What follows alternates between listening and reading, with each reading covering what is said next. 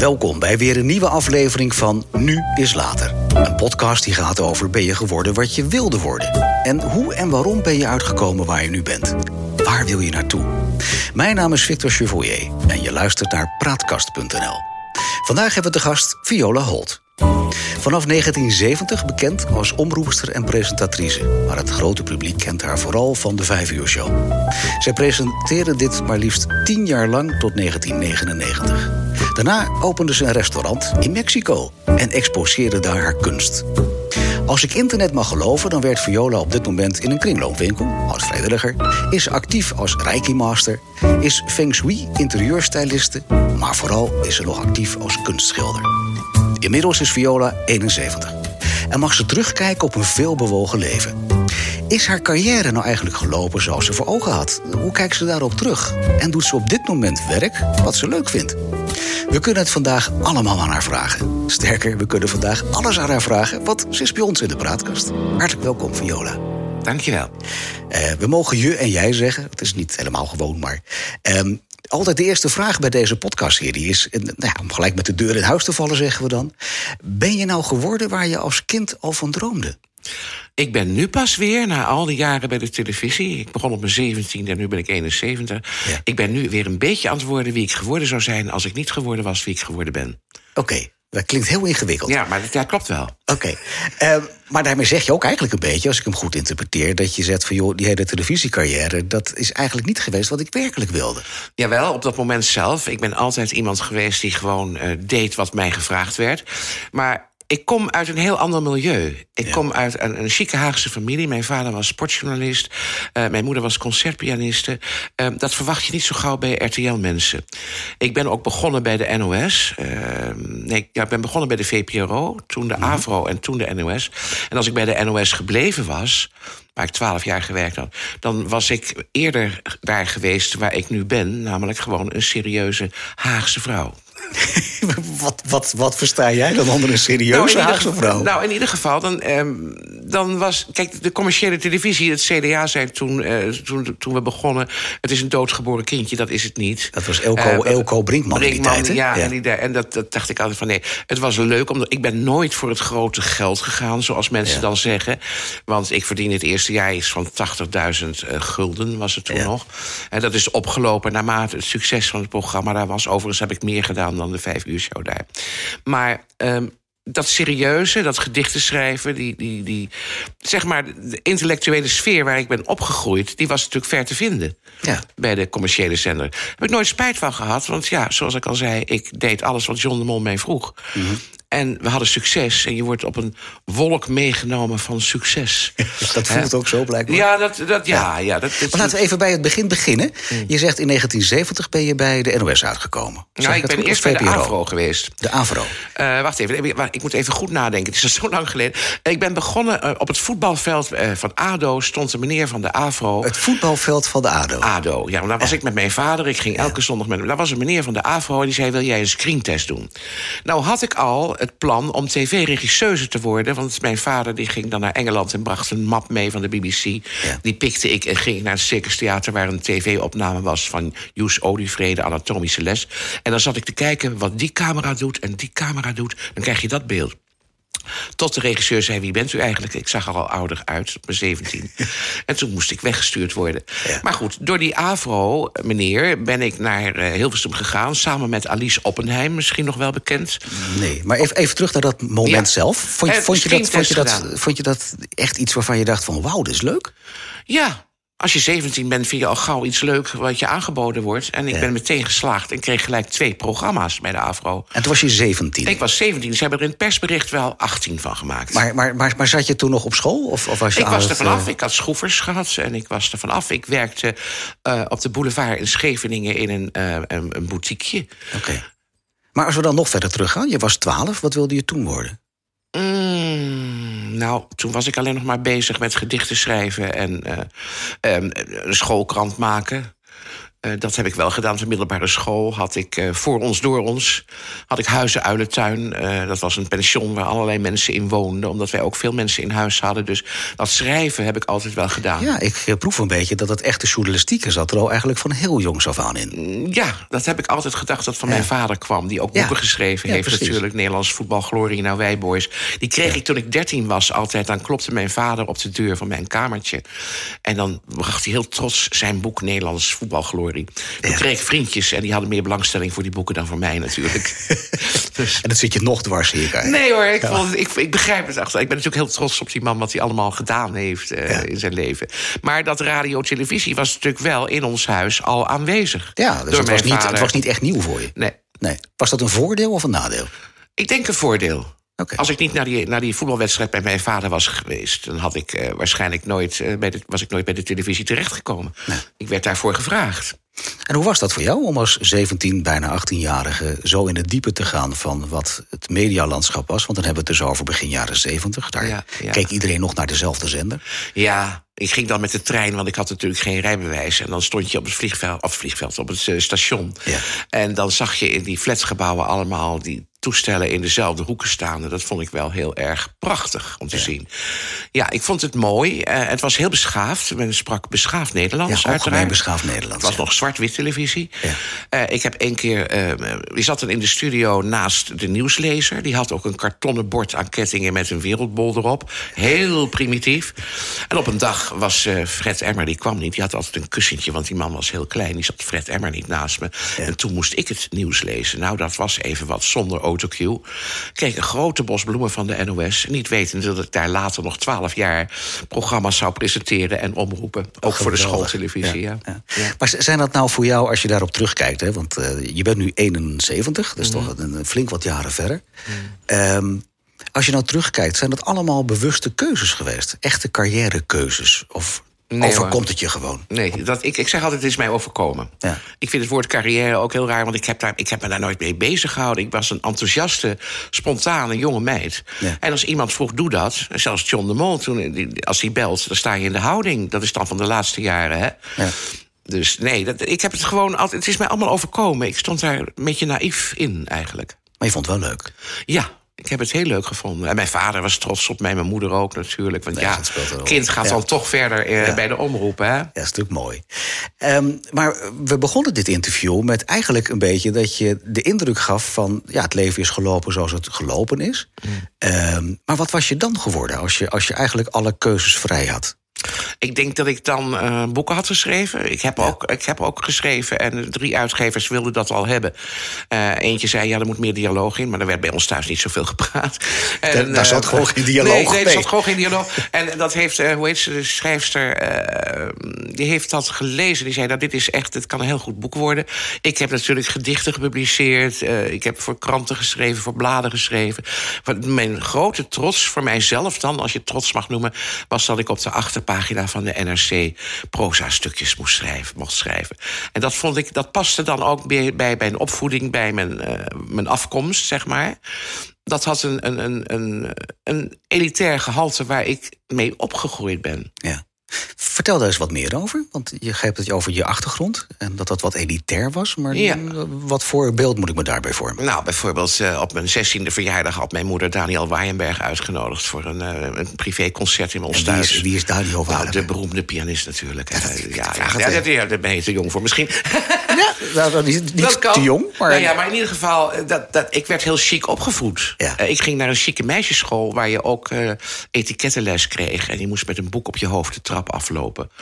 Uh, na één jaar vormingsklas huisartsschool, want op de lagere school werd ik niet begrepen. Ik droomde te veel. Ja. En ik werd naar de huisartsschool gestuurd tot ellende van mijn vader. Toen Die vond ik... het vreselijk ja, dat je tuurlijk, scheikundige ingenieur, tuurlijk. En ik ja. vond het zelf ook verschrikkelijk. Ik pestte de leraren weg, met, of leraressen weg met klosjes scharen om de stoelen wenkt en pannenkoeken tegen het plafond gooien. Toen heb ik drie maanden... Je was een hele leuke leerling dus. Uh, verschrikkelijk was ik. Ja.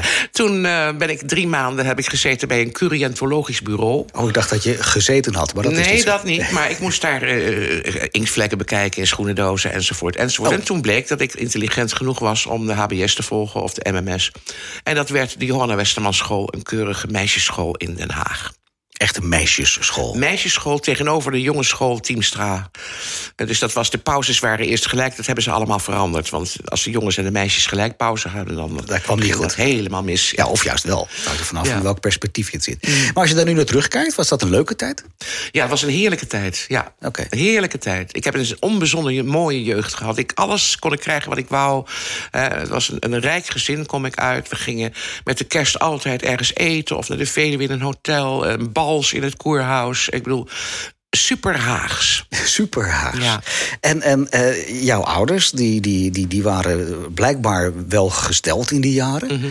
Ehm, heeft dat jou gevormd naar jouw carrière? Of heb je, heb je zoiets van, ja, dat, dat zat me wel mee? Of zat het juist tegen in je carrière? Het heeft, nee, het heeft niks met mijn carrière te maken gehad, denk Nul. ik. Nee, nee, Nee. dat heb ik Nou ja, gevoeld. Het heeft je wel gevormd wie je natuurlijk bent. Je hebt eh, daar algemeen beschaafd Nederlands geleerd. Want dat Ja. was in Den Haag, en daar kom ik zelf vandaan... niet vanzelfsprekend dat je zo eh, algemeen beschaafd Ik Nederlands kwam uit, eh, uit een goede buurt. en mijn- moeder was natuurlijk ja, een, een elegante dame, mannequin geweest, concertpianist, een wonderkind. Op haar twaalfde gaf ze al recitals. Mijn vader was natuurlijk ja, de sportman, die eh, in december nog in de zee ging zwemmen. En inziewer, As van Emmenes, en prachtige stem. En echt, toen hij heel oud was, hebben we hem nog eens een keer voor de televisie geschoven. Toen was hij al in de negentig. En dan zit hij met de opstelling op schoot, nog mee te trappen. En zo, eh, pure, we hadden zelfs een klok in de vorm van een voetbal. Alles was voetbal in huis. En voor de krant stukjes schrijven deed hij. Ja. En ik was daar heel trots op. Ik, vond dat, ik heb zelfs nog eens een keer samen met hem voor de VARA eh, radio een, eh, een voetbalverslag gedaan. Met z'n tweeën. Dat was ook heel leuk. Ben je, ben je zelf ook een voetballiefhebber? Absoluut, 100 procent. Ja? Ik zit stijgerend in de stoel. ja. Ik, eh, ik merk dat je het ook echt zo op die manier meent. Ja. Hey, het, het gezin waar je vandaan komt, eh, waar bestond dat uit, behalve je ouders? Ik was een nakomertje. Ja. Dat is echt ingewikkeld. Mijn, mijn vader was eh weduwnaar en had een zoon en een dochter. Mijn moeder was weduwe en had alleen een dochter. En ik was het enige kind uit dit huwelijk. Oké. Nou, maar dat gaf je wel een speciale positie in het gezin. ja, zeker. Helemaal verwend. Tot op het bot. Ehm, heb je daar last van gehad?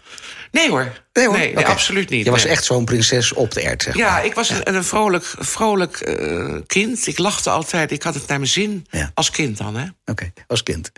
Ehm, later niet eh, meer dan? Je legt hem nu een beetje voor me neer. Dat ik denk van, eh, je zegt bijna van, maar later vond ik het niet leuk meer. Nou ja, er gebeuren natuurlijk in elk eh, leven van iedereen... gebeuren dingen die minder leuk zijn. Ja, op die manier bedoel je dat. Ja, maar niet zozeer maar vanuit nee, het, het gezin het kind, van Het kind zijn, ik, nee, ik, ik, ik, ik- na de schooltijd ging ik naar schroevers, cursus stenotypen. Ja, dat had je vroeger, ja. Verschrikkelijk. En danslessen natuurlijk. En, en, en zeilkampen. Ik ben zelfs nog. Ik heb, ik heb zelfs. ging ik alle kerken af. Ik was nieuwsgierig. Ik ben altijd nieuwsgierig geweest. Dan ging ik naar Ichtus. Dat was zo'n her, Nederlands hervormde vereniging. Ja, klopt, weet je nog. En dan ging ik naar de Engelse kerk en de katholieke kerk. En ik, ik ben ik overal geweest om te kijken. Want mijn vader is absoluut atheïst. Die gelooft nergens in. Ja. Mijn moeder heeft wel. ehm, eh, kon- dat heb ik later pas ontdekt. Dat ze toch wel spiritueler was. Die had een schilderij van Jozef Rulof boven haar bed. En dat is een, een, een beroemde, eh, zeg maar, paragnost. Een eh, helderziende. Ja. En ehm, dus dat, dat, dat is pas later tot mij doorgedrongen. Maar. eh, Nou, daar komen we straks toch op, want je doet er zelf ook het een en ander in. Ja. Mhm. Heb ik begrepen. Ja. hey, een, paar minuten geleden, toen, toen meldde je van... joh, ik miste wel de dialoog thuis. Wat bedoelde je daar precies mee? Nou, ik zal het je een voorbeeld geven van als je enig kind bent of nakomertje. Bijvoorbeeld Sinterklaasavond. Hè? Ja. Dan stond er een, een, een mand in de gang, een grote mand. Of er stond een fiets onder een laken. Dan werd er chocolademelk en speculaas in de salon geserveerd. Eh, Vader en moeder allebei aan een kant van de marmeren schouw. Ja. En dan, nou kind, eh, pak het maar uit. En er was geen gedicht bij natuurlijk. Maar dan mocht ik al die cadeautjes. En dan gingen zij rustig verder met een boek lezen. En ik zat te spelen met de cadeautjes. Dat was de Sinterklaasavond bij ons thuis. Ja, dus. Ja, maar dat klinkt bijna wel, want je, je spreekt er heel positief over... en heel warm ook eigenlijk. Ja, ja. En tegelijkertijd hoor ik je ook zeggen van... ja, maar echt contact miste ik een beetje. Nee hoor, ik, vond, ik, ik heb later toen ik trouwde met een weduwnaar met drie kinderen... met behangerslijm en eh, surprises en gedichten. Ik vond Ja, het vreselijk. Oh, je niks? Ik vond, nee, maar niks. Nee, Oh. dat- ik heb niks met Sinterklaasfeest. Ik vond, ik vond het heel rustig om lekker te spelen met al die cadeaus. En papa en mama lekker lezen. Het was, was goed zo. Dat was goed. Ja. Heb je iets van je eigen opvoeding meegenomen... in de opvoeding van je eigen kinderen? Ja, zeker. Respect, beschaving, eh, elegantie, eh, manieren.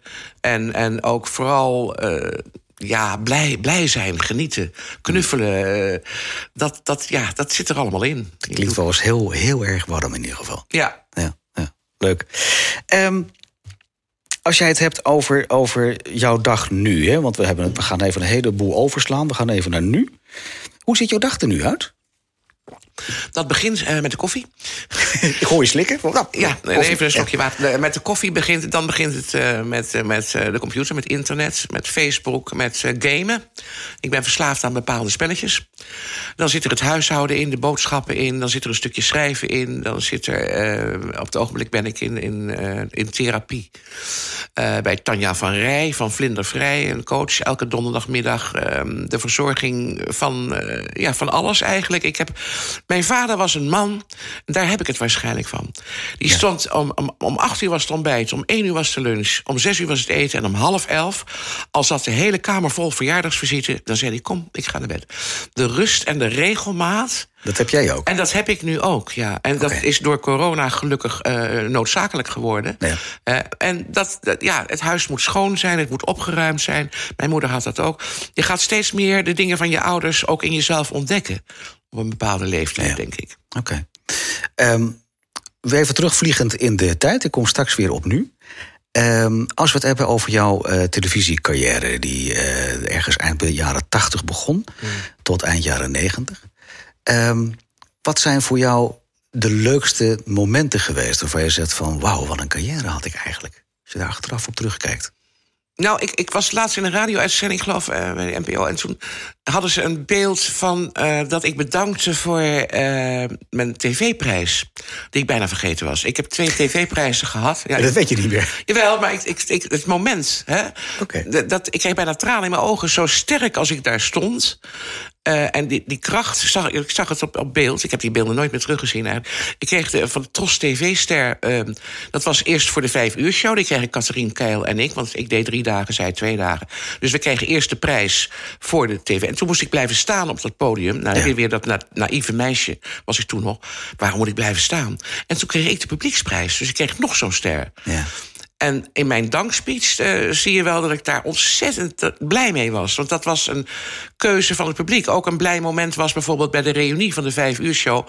Mensen die ik jaren niet had gezien. Ja. En de een zei, ik heb zoveel aan jou gehad. En ik vond het zo leuk om met jou te werken. En zo. Daar gaat het om. Ja. Ik weet dat ik een goede collega ben geweest. Nou, ik zie ook aan je dat het je nog steeds wat doet. Ja, dat je echt was, warm maakt. Dat ja, je echt een mooie tijd. Dingen die ze toen niet tegen me zeiden. Van, ik, jij hebt het toen raad gegeven en ik heb toen dat gedaan.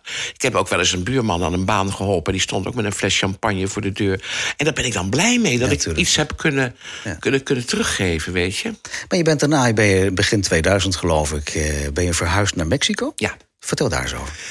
Nou ja, de vijf uur was afgelopen. En dan denk je, het is klaar met mijn carrière. Dat is ook niet zo erg. En mijn man, die heeft jaren in Italië. was dat niet erg? Ja, nee, nee. Ja, je zit net half nee, emotioneel was... tegenover me ja. van... joh, het was een prachtige tijd. En nu ja, zeg je, dat, dat was niet erg. Dat was een herinnering. Maar op het moment dat het afgelopen was... Ik was Toen wel... vond je het niet erg? Nee, ik, wat ik erg vond, was dat ik de laatste uitzending... een half uur voor de laatste uitzending hoorde dat het afgelopen was. Dat vond ik erg. Alleen het moment het dat moment, het jou werd. Dat is ook een hele onbehoorlijke manier om wat mee te delen. Ja, maar dat was ook een soort angst natuurlijk. En, en ja, van gaat ze het nog wel doen? En op dat moment. En terecht misschien, denk ik. Ja, ja, was niet goed. Ja. Was gewoon niet goed. Uh, maar uh, op dat moment stonden Maya en ik samen uh, ja. afscheid te nemen. En toen riep ik heel vals: cue en fade out. Ik was boos op dat moment. Het zijn mijn laatste woorden geweest in de vijf uur show. kan je nagaan. Maar goed, ik wist niet dat er nog klasgenoten zou komen en andere programma's. En mijn man die heeft jaren in Italië gewoond. En die wou graag uit Nederland. We hadden een prachtig landgoed met 50 fruitbomen. Alle luxe die je kon hebben. We hebben alles verkocht, alles in een container. Want ik ging een weekje 50 op fruitbomen ja, in, in, ja, een container, weg, hartstikke idee. Ja. De motor weg, bootje weg, alles weg. En ik was op vakantie geweest in Mexico... en ik werd verliefd op dat land, meteen. Ik heb gelijk een, na een paar margarita's een makelaar opgezocht en gezegd: joh, ik wil hier wel een huis hebben. Huis gekocht op dat moment. Mijn man gebeld. Je gaat een beetje erg hard nu. Want ik zit even terug te denken. Je had hier alles. Je had een landgoed, vertel je. Je had je 50 fruitbomen. Ja. Je had een leven. Je, had een, je, had een, je had een heel openbaar leven. Iedereen kende je toen. En dan zeg je even van nou, het knopje ging om. Ja, dat gaat er bij mij even niet zo 1, 2, 3 Nee, dat, dat ging bij mij 1, 2, 3 wel. Ja, dat snap ik niet, dus nee, mag dat, je dat uitleggen. ga je uitleggen. Ja. Ik bedoel, al die jaren, mijn man was reclameman en noem maar op. En hij wou graag naar het buitenland. En ik, had, ik kan heel kordaat zijn in beslissingen, hoor. Mm -hmm. En ik dacht, nu is jouw tijd. Okay. Jij wil graag naar het buitenland. Dus toen ik op vakantie ging naar Mexico, kocht ik daar een huis, belde mijn man op. Ik zit hier bij de makelaar, praat jij even met hem. En het was geregeld. Maar je man had nog nooit van Mexico gehoord? Of kende hij het land nou, ook? Ja, hij is best intelligent hoor. maar hij kende het land niet. Maar hij geloofde mij. En hij was ook, toen we daar aankwamen, helemaal verliefd. Ik had de juiste keuze gemaakt. Ja. Toen hebben wij drie jaar, zeg maar, gerentenierd. Mm ik ging wel terug naar Nederland uh, vliegen, uh, want ik kreeg klasgenoten alsnog, tot mijn stomme verbazing. Anderhalf miljoen kijkers, de opvolger van Koos Postema, ja. is goed gegaan. Trok alleen iets te oud publiek, volgens Bert van der Veer. Ik heb het, moest, ja. het moest paella zijn in plaats van bloemkolen, weet je wel. Die uitspraak zal ik ook nooit vergeten. Maar goed, dat, dat was ook afgelopen. pijn, lijkt mij toch? Nou, dat vond ik jammer, want ik kon twee, twee dingen combineren. Ja, maar dat ik kon... doet toch pijn als men dat vindt. Als jij scoort, als jij je werk goed doet... als je anderhalf miljoen kijkers hebt... en iemand roept van... ja, we moeten een jonger publiek hebben... dan kan je wel zeggen van, ja, dat is nou zo. Nee, dat doet wel pijn, lijkt mij. Nee, nee, dat is zo. Dat doet geen ik, pijn. Nee, ik zou je vertellen, ik had een prachtig leven in Mexico. We besloten gelijk een restaurant daar te openen. Dus ik was gewoon alweer bezig met andere dingen. Is dat typerend voor wie Viola Dat is, ja, ik pak het weer gewoon aan. Ik, ik, heb, ik heb nergens last van eigenlijk wat dat betreft. Ik begrijp, het was niet leuk op het moment, omdat je goed scoort. Maar het was ook een hel van een programma om te doen. Twee opnames op een dag met veertig klasgenoten. En dan heb je het over het blokje jaloezie. Dan begint er ineens één over iets anders. Dus dat is sturen. En dat was een van de moeilijkste programma's die ik heb moeten doen. Ja. En daar ben ik best wel trots op dat ik dat goed heb gedaan. Er stond ook nog tegen ook dat nog met Sylvia Millekam, die toen nog leefde. En, Ja. weet je, dus ik was daar best trots op. Maar ja, het beleid was, we moeten verjongen. En daar doe je niks tegen. Dat moet je ook gelijk achter je laten. Want het heeft geen zin om daarover te, te jeremieën. Nee. Nee, maar goed, ik bedoel, we zitten nu zoveel jaar later. Maar als ik hier tegenover je zit, dan heb, krijg, krijg ik bijna pijn in mijn hart. Ik denk van, Ach, joh, als je, als je zo, ja, als je zo met hart en ziel met je werk bezig bent... en dat wordt zo even met een pen en streek eh, stilgelegd... Dat, dat zou mij wat doen. Nee, maar ik heb het al zoveel jaren gedaan. Ik heb bij alle omroepen gewerkt, zeg. Maar echt waar, ik, ik ben, op een gegeven moment ben je er klaar mee. Maar maakt dat je dan hard? Nee, het maakt me niet hard. Het is gewoon de realiteit. En ik wil het ook niet meer. Ik zeg je, ik ben nu weer aan het worden wie ik geworden zou zijn... als ik niet geworden was wie ik geworden ben. Namelijk de RTL-vrouw. Ik ben nu weer dat NOS-meisje van vroeger. En dit is geen sollicitatie. Wat zou je bij de NOS willen, willen als, doen? ik, als, ik daar, als ik daar gebleven was, en Ja. ik was vanaf mijn zeventiende... ik heb de schooltelevisie, de NOS, 12 jaar gedaan... als ik daar gebleven was, dan had ik nu al lang een talkshow gehad. Weet je wel, à la Jinek. Dat had ik makkelijk gekund als ik doorgegroeid was. Maar ik heb dus gekozen voor de andere weg. Ja. Heb je daar spijt van? Nee. Ook niet. Ik heb eigenlijk geen spijt. Het spijt me, maar ik heb geen spijt. Het spijt me, ik heb Ja, geen het spijt. Het is een nieuwe Oh, daar ben ik televisieprogramma. ook nog voor gevraagd, voor het spijt Het me. spijt me, ja. Ja, Maar dat, heb ik niet gewild. Nee, dat wou En ik dat spijt je nu. Nee, dat programma had ik niet. Ik vind het leuk voor Carolien. Die heeft er goed mee gescoord. De nieuwe versie vind ik verschrikkelijk. En dat liep ook niet goed. Ander decor en zo, dat moeten ze niet doen. Eh, ik ben nog wel zo behept dat ik op televisie zie wat goed en fout is. Goede vraag, slecht licht. Oké, door, bumper. Dat zit erin. Dat krijg je er nooit meer uit. Maar ze vroegen mij om het spijt me te doen. Omdat dat een rubriek uit de vijf uur show was. Toen heb ik gezegd, dat wil ik niet. Maar de vijf uur show, het begin van de vijf uur show... was op de grond zitten met Diewertje Blok en Leo Jansen. En op op A4'tjes onderwerpen schrijven. En daar ben ik nog wel heel blij me- mee... dat ik toen zei, joh, we zitten op een tijd dat iedereen de keuken ingaat. We moeten iets met koken doen. Nou, kijk nu naar de kookrubrieken. Je wordt Ja, voor doodgegooid. doodgegooid, ja. Ja, ja. ja. Het, het is natuurlijk, we worden met z'n allen worden we ouder. Hè? Dat klinkt zo mooi dan altijd. Mhm. Stel nu dat er een of andere eh, media eh, tycoon naar je toe komt en die zegt: eh, Nou, Viola, ehm, je mag alles kiezen wat je maar wil. Iets nieuws opzetten mag ook. Ben je dan te porren voor iets nieuws? Het hangt er vanaf wat het is. hè. Je mag het zelf invullen. Nou, daar, daar ben ik helemaal niet mee bezig. Joh, ik zou dat niet willen. Op televisie bedoel je? Bijvoorbeeld, of radio. Nou, eh, wat ik, wat ik wel mis is eh, wat wij nu doen. Dat gesprek van één op één. Mm. Wat ik vroeger had ik het ontzettend. Ik, Jeroen Pauw bijvoorbeeld vind ik, een, vind ik een held. is een goede vriend ook. En een, een fijne vent. Doet Ja. het goed. Eh, maar ik mis ook Ischa Meijer. Ik mis persoonlijkheden en zo. Ik heb zelf nooit mijn persoonlijkheid volledig kunnen tonen op televisie. Je was altijd een, een, een, een, Een onderdeel Ja, van. je was, een, je was een, gewoon een eh, pratend mantelpak soms. Hè? Ja. Een mooie kreet. Ja, dat is, dus als, ik, als, ik, als ik cynisch ben over het verleden... dan zeg ik, nou, praat het mantelpak. Ja, gesponsorde onderwerpen. Ik weet nog dat ik om vijf uur een vaginaal douche moest. Toen dacht ik, dat doe ik niet. heb ik de planten mee water gegeven. even herhalen? Een vaginaal douche. Oké. Dat was een gesponsord onderwerp. En dat moest ik dus behandelen in de vijf uur show. Dat vond ik niet geschikt. Niet? Want ik kijk, nee, dat vond ik niks. Oh. Dat vond ik te intiem. Dan heb je het Haagse meisje weer. Dan doe je niet. veel te netjes. Dat is veel te netjes. Dus dan gaf ik de planten mee water zo. Dat is ja. maar we hebben, als, kijk, ik heb product, product placing heet dat. Nee, maar even terugkomend op mijn vraag. Ja. Um, want je komt op mij over alsof je een, een, een heel mooi roerig leven gehad hebt... maar waar je ook voor zegt van, joh, die, dat, die hele mediawereld... daar vind ik wel wat van. Um, en dan ontken je een beetje dat het je pijn gedaan hebt. Dat geloof ik ook wel. Maar tegelijkertijd denk ik, ja, maar je bent wel een beetje in hart en nieren... ben jij wie jij bent. Nou, mensen zeggen zo vaak, je bent in hart en nieren... en iedereen wil, een gedeelte van de bevolking wil mij terug op televisie. Een andere gedeelte die zegt, nou, ga lekker achter de geranium zitten. Ik heb helemaal geen zin meer in al die meningen, joh. Nee. Tegenwoordig, ben je, word je, oh, tegenwoordig is het helemaal geen pretje meer om bekende Nederlander te zijn. Nee, je moet je doodschamen. Je, weg, moet, uh. Henny Huisman moet uh, achter de geraniums gaan zitten, weet je wel. Daar heb ik helemaal geen zin in om die discussies op te roepen. Nee, maar, maar dat komt ook. Die mening ventileer je, mag ik aannemen. Omdat die mediawereld nu eenmaal in elkaar zit zoals die in elkaar zit. Ja. En daarom zeg ik van, stel nu, een fantasiewereld, dat snap ik. Maar stel nu dat je, dat je echt helemaal je eigen vrije wil zou mogen doen. Wat ga je doen dan? Nou, dan zou ik, als het helemaal... Het kan niet, hoor, want het is allemaal aan regeltjes gebonden. Dan zou ik, uh, zeg maar, s'avonds om een uur of twaalf... op de radio mijn muziek willen draaien. Een soort Jan van Veen. Ah, dan ja, maar dan jou. ja, zonder gedichten of mijn eigen gedichten. Oké, gelijk boeken geschreven. Want ik heb ook radio gedaan. En, Ja. ja. ja. En dat, dat, maar dat kan helemaal niet. Want ik hoor van Tineke ook, mijn goede vriendin Tineke de Nooi... Dat je mag zelfs niet eens je eigen platenkeuze hebben, want Nee. dat wordt allemaal hè, geregeld. Dus dat, die wereld is al lang zo leuk niet meer. Nee, maar dat Ik heb kan maar misschien nog wel leuker keer heb ik maken. wel spijt gehad. Nu, nu, eh, even spijt gehad. Ja, je wilt spijt horen. Ik wil spijt horen. Ja. Nou, op de dag dat wij in Mexico ons Indonesisch restaurant Toco Loco openden... Ja. met allerlei rituelen en, en, en naar de zee brengen en wierook en zo... werd ik gebeld door Leo van der Goot. ja. Vio, ik heb een nieuw programma voor je. Ik zeg, zo, wat is dat? Ja, het heet Boulevard. hey, die kennen we. Toen dacht ik, wat een rare titel, waar gaat het over? Ja, we zijn ook bezig met Albert Verlinde. Ja. En op dat moment, want ik, ja, ik ben al 31 jaar gelukkig getrouwd... en mijn man was zo blij dat we het restaurant openden... en het was een nieuwe leven. Ja, ik denk, dat kan ik niet doen. En vorige week stond ik aan de afwas... en dacht ik, ik had het misschien anders moeten doen. Ik had misschien moeten zeggen... eh, nou ja, ehm, eh, ik, wil wel, ik wil wel proberen... maar dan wil ik ook heen en weer kunnen vliegen of zo. Misschien was daar een, een format voor gevonden. Dat is leuk voor het CO2-gehalte. Ja, ja, precies zoiets, weet je wel. Dat dacht ik pas vorige week tijdens het afwassen aan. Waarom, vraag me niet, maar er komen allerlei herinneringen door... in deze coronatijd, ook Ja. dat. En ik, ik sprak het met mijn man en zei... ja, dat had je misschien kunnen doen. Ik zei, maar ik heb toch gekozen voor ons restaurant... en dat werd ook een succes.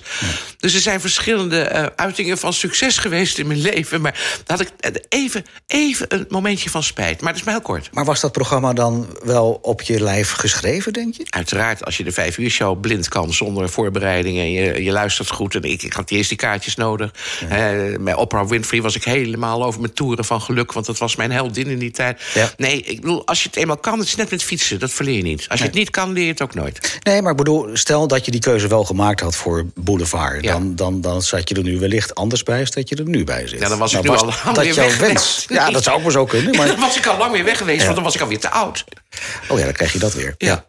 Hey, maar stel nu dat er iemand komt die zegt van... joh, jij mag jouw favoriete eh, avondprogramma tussen 11 en 12 maken op eh, Radio 7. Die hebben we helemaal niet, maar stel dat we die zouden hebben. Dan ga je gelijk wakker worden en zeg je van... nou, ik pak mijn handtas en ik kom eraan. Nou, dat hangt er vanaf. Ik heb ook voor RNN7 nog gewerkt. Het nieuws gedaan met Edward Niesing. Dat vonden we enig. Want ik, ik ben dol op het nieuws lezen. Dat zou ik eigenlijk nog wel graag willen doen. Maar ja, daar kom je helemaal niet aan. Maar dat hangt er vanaf. Als het een zender is die alleen maar eh, met eh, 200 luisteraars heeft... Dan, dan denk ik, nee, dat doe ik maar liever niet. In het dagelijks leven ben ik trainer-coach. En, en als ik jou zo hoor, dan denk je wel in onmogelijkheden. Ik denk in onmogelijkheden. Ja, van nou, je, je wil dit, maar tegelijkertijd hoor ik één seconde later... maar dat kan niet, want dat gebeurt er dan. Ja, maar dat is de realiteit. Ja, Het is gewoon de realiteit. Het is geen onmogelijkheid. Het is, het is de realiteit. Jij zegt, als, als je wat zou, zou je dat dan doen? Nou, misschien wel. Het hangt er vanaf. Maar niet voor 200 mensen. Dat vind ik dan weer zonde van mijn tijd. Het Ja. moet wel zo zijn dat er meer mensen het leuk vinden. precies. Dat wel. Dan snap ik je. Ja. Ja. ik, uh, ik begin een beetje beter Coach. Ja. Ja, dankjewel. Uh, als we even kijken naar uh, jouw Mexico-tijd. Ja. Je zegt, we hebben daar Toco Loco heette jouw restaurant ja, daar. Hè? Wat was jouw intrinsieke wens daarmee? Want dat is natuurlijk iets heel anders dan dat je in de media werd. Nou, ik wist al heel lang dat mijn man heel goed kon koken. Die heeft vroeger verkering gehad met Molukse dames. Ja. En die moeders hebben hem de keuken ingesleept. En hij heeft nog, hoor, hij kan nog fantastisch Indonesisch koken. En ik wist dat dat een wens van hem was. En hij zat natuurlijk na zijn reclametijd thuis... terwijl ik de vijf uur show deed. Dat was ook geen gelukkige verhouding natuurlijk. Want een man moet werken, een man moet een hobby hebben. Ja. Dus ik was heel blij dat we het restaurant helemaal ingericht en leuk hadden. En elke avond liep het storm. Zat het vol, want die Nederlandse toeristen... wij maakten ook nog een krant, het Nederlands Weekblad. Die deelden we uit aan de toeristen. Ja. Dan plukte ik van de Nederlandse krant op internet gewoon van alles.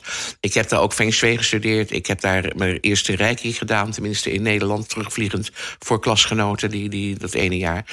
En... Um, wat was je vraag ook weer? Want ik ben hem even kwijt. Dat we naar uh, Mexico gingen oh, ja. en dat je Toco Loco daar... dat het iets, iets heel anders was. Ja, maar ik ben, je bent gastvrouw ja. op tv of je bent gastvrouw in je restaurant. Ik maakte de cocktails en, en de Nederlanders kwamen ook voor mij, wilden op de foto. Het was, het was eigenlijk een soort, een soort win-win. kennis maken met je publiek. Ja, Die ja. kwamen allemaal naar mij. Ja, ja. Dat was leuk. En Toco Loco liep goed? Ja, okay. elke avond vol. Tot wanneer? Tot 9-11, hè. Oké, okay. wat gebeurde er toen? Nou ja, huilende Amerikanen hè, en, en uh, onrecht en, en verschrikkingen... en ook geen directe vluchten meer. Dus ja, dat ging mis. Hm. En toen ben ik uh, terug naar Nederland gegaan. Mijn man heeft daar alles verkocht en het huis ook uh, verkocht. En zijn wij beiden gaan werken bij een huidkliniek, ik de PR en hij de reclame. We hadden meteen weer een baan in Nederland. Oké, okay. maar dat was wel een teleurstelling, lijkt mij. Ja, nou, aan de andere kant kreeg ik ook last van heimwee. Hè? We hebben daar vijf jaar gewoond, drie jaar gerenseneerd. Dus echt alleen maar feest. En waar gaan we vandaag een heel slecht leven, zeg maar. Och, het was, het was Vreselijk. paradise. Ja, het was oh. echt... Ja, ik had natuurlijk veel geld verdiend. En het Ja. leven daar is goedkoop. Dus zondag gingen wij naar de harpist op het strand. En dan hadden we een heerlijke, oh, heerlijk ex-Benedict. En dan een glaasje champagne en even zwemmen en zo. Het was een filmsterrenleven, echt waar. Maar ook dat gaat vervelen op een gegeven moment. Ik zei tegen mijn man, we zijn te jong om niks te doen. Ja. En toen zei hij, ik weet het. Ik zei, wat weet je? We gaan een restaurant beginnen. En binnen een week hadden wij op de mooiste locatie een pandje. En uh, een leuke Italiaanse oper, Gustavo. En natuurlijk de taal leer je daar. En uh, ja, het was, het was een fantastische tijd. En Je spreekt ook Spaans? Ja, uiteraard. Oké, okay, dat wist ik niet. Ja. Maar ik ben een talenmens. Hè. Ik heb Chinees gestudeerd. Ik heb nu een cursus Arabisch. Uh, die wil ik gaan inwisselen voor het uh, Latijn. Want ik ben nu helemaal gefascineerd door het Latijn. Ja, zonder talenkennis kom je, niet, uh, kom je niet bij de omroep. Maar Chinees en, Ja. en, en eh, het Arabisch, dat zijn we nogal andere talen als dat wij hier in het, eh, nou, in het westen van Arabisch, Europa eh, kennen. Arabisch heb ik gedaan omdat verrast ik. mij, eh, ja? Arabisch heb ik. eh een NTI-cursus heb ik in huis. Omdat ik, eh, gezien alles wat er, eh, laten we het maar gewoon bij de naam noemen, islam is, Mhm. eh, wat er Arabisch is, de wolligheid van de taal. Ik hoor het zelfs bij Ari B, die mooie wolligheid. Ja. Dan heb ik het liever over duizend en één nacht. En over, over de Damascus, over de mooie, de mooie dingen uit de Arabische wereld. Ja. Ze kunnen je overtuigen. Als jij overtuigd bent van iets, ze kunnen je zo omdraaien. Mhm. En dat, dat vind ik fascinerend. Dus ik wou die taal leren. Maar ik vond, toch, ik vond het toch te moeilijk. Het Chinees heb ik gedaan, heb ik volgehouden tot ik erachter kwam dat het Mandarijn wat ik leer Ja. alleen bij, eh, bij Beijing in de omgeving te horen is. Dat het de rest van, van het land toch zoveel Toch weer andere dialecten heeft. En nu ben ik helemaal gefascineerd door het, door het Romein, door het Latijn. En wat ga, je daar, wat, wat ga je daarmee doen dan? eh, oude gebouwen bekijken met oude opschriften en mooie uitspraken van. eh, ze hebben fantastische uitspraken. weer. Nihilo fit. Nihilo. eh, wacht even, ik ben, ik, ik ben bezig met een paar uitspraken. Ik heb de cursus nog niet. Maar niets komt tot niets bijvoorbeeld. Ex nihilo, nihilo fit. Oké. Dat vind ik, dat denk ik. Als je dat dan hoort in die tijd, weet je, wat die mannen met die witte gewaden daar in die, in die tempel zaten en die horen. Dat, ik, ik heb zo'n visueel vermogen. En ik wil op oude gebouwen ook, ik wil dat, ik wil dat Latijn wil ik leren. Vind je gewoon leuk? Ja, vind ik leuk. Ja. Want ik heb wel op in mijn talenkennis, ja, toen ik op de middelbare school kwam, moest ik, en ik heb die tekst nooit vergeten, dat is zo grappig. In de tweede van de middelbare school moest ik naar de vierde vanwege mijn uitspraken. Dus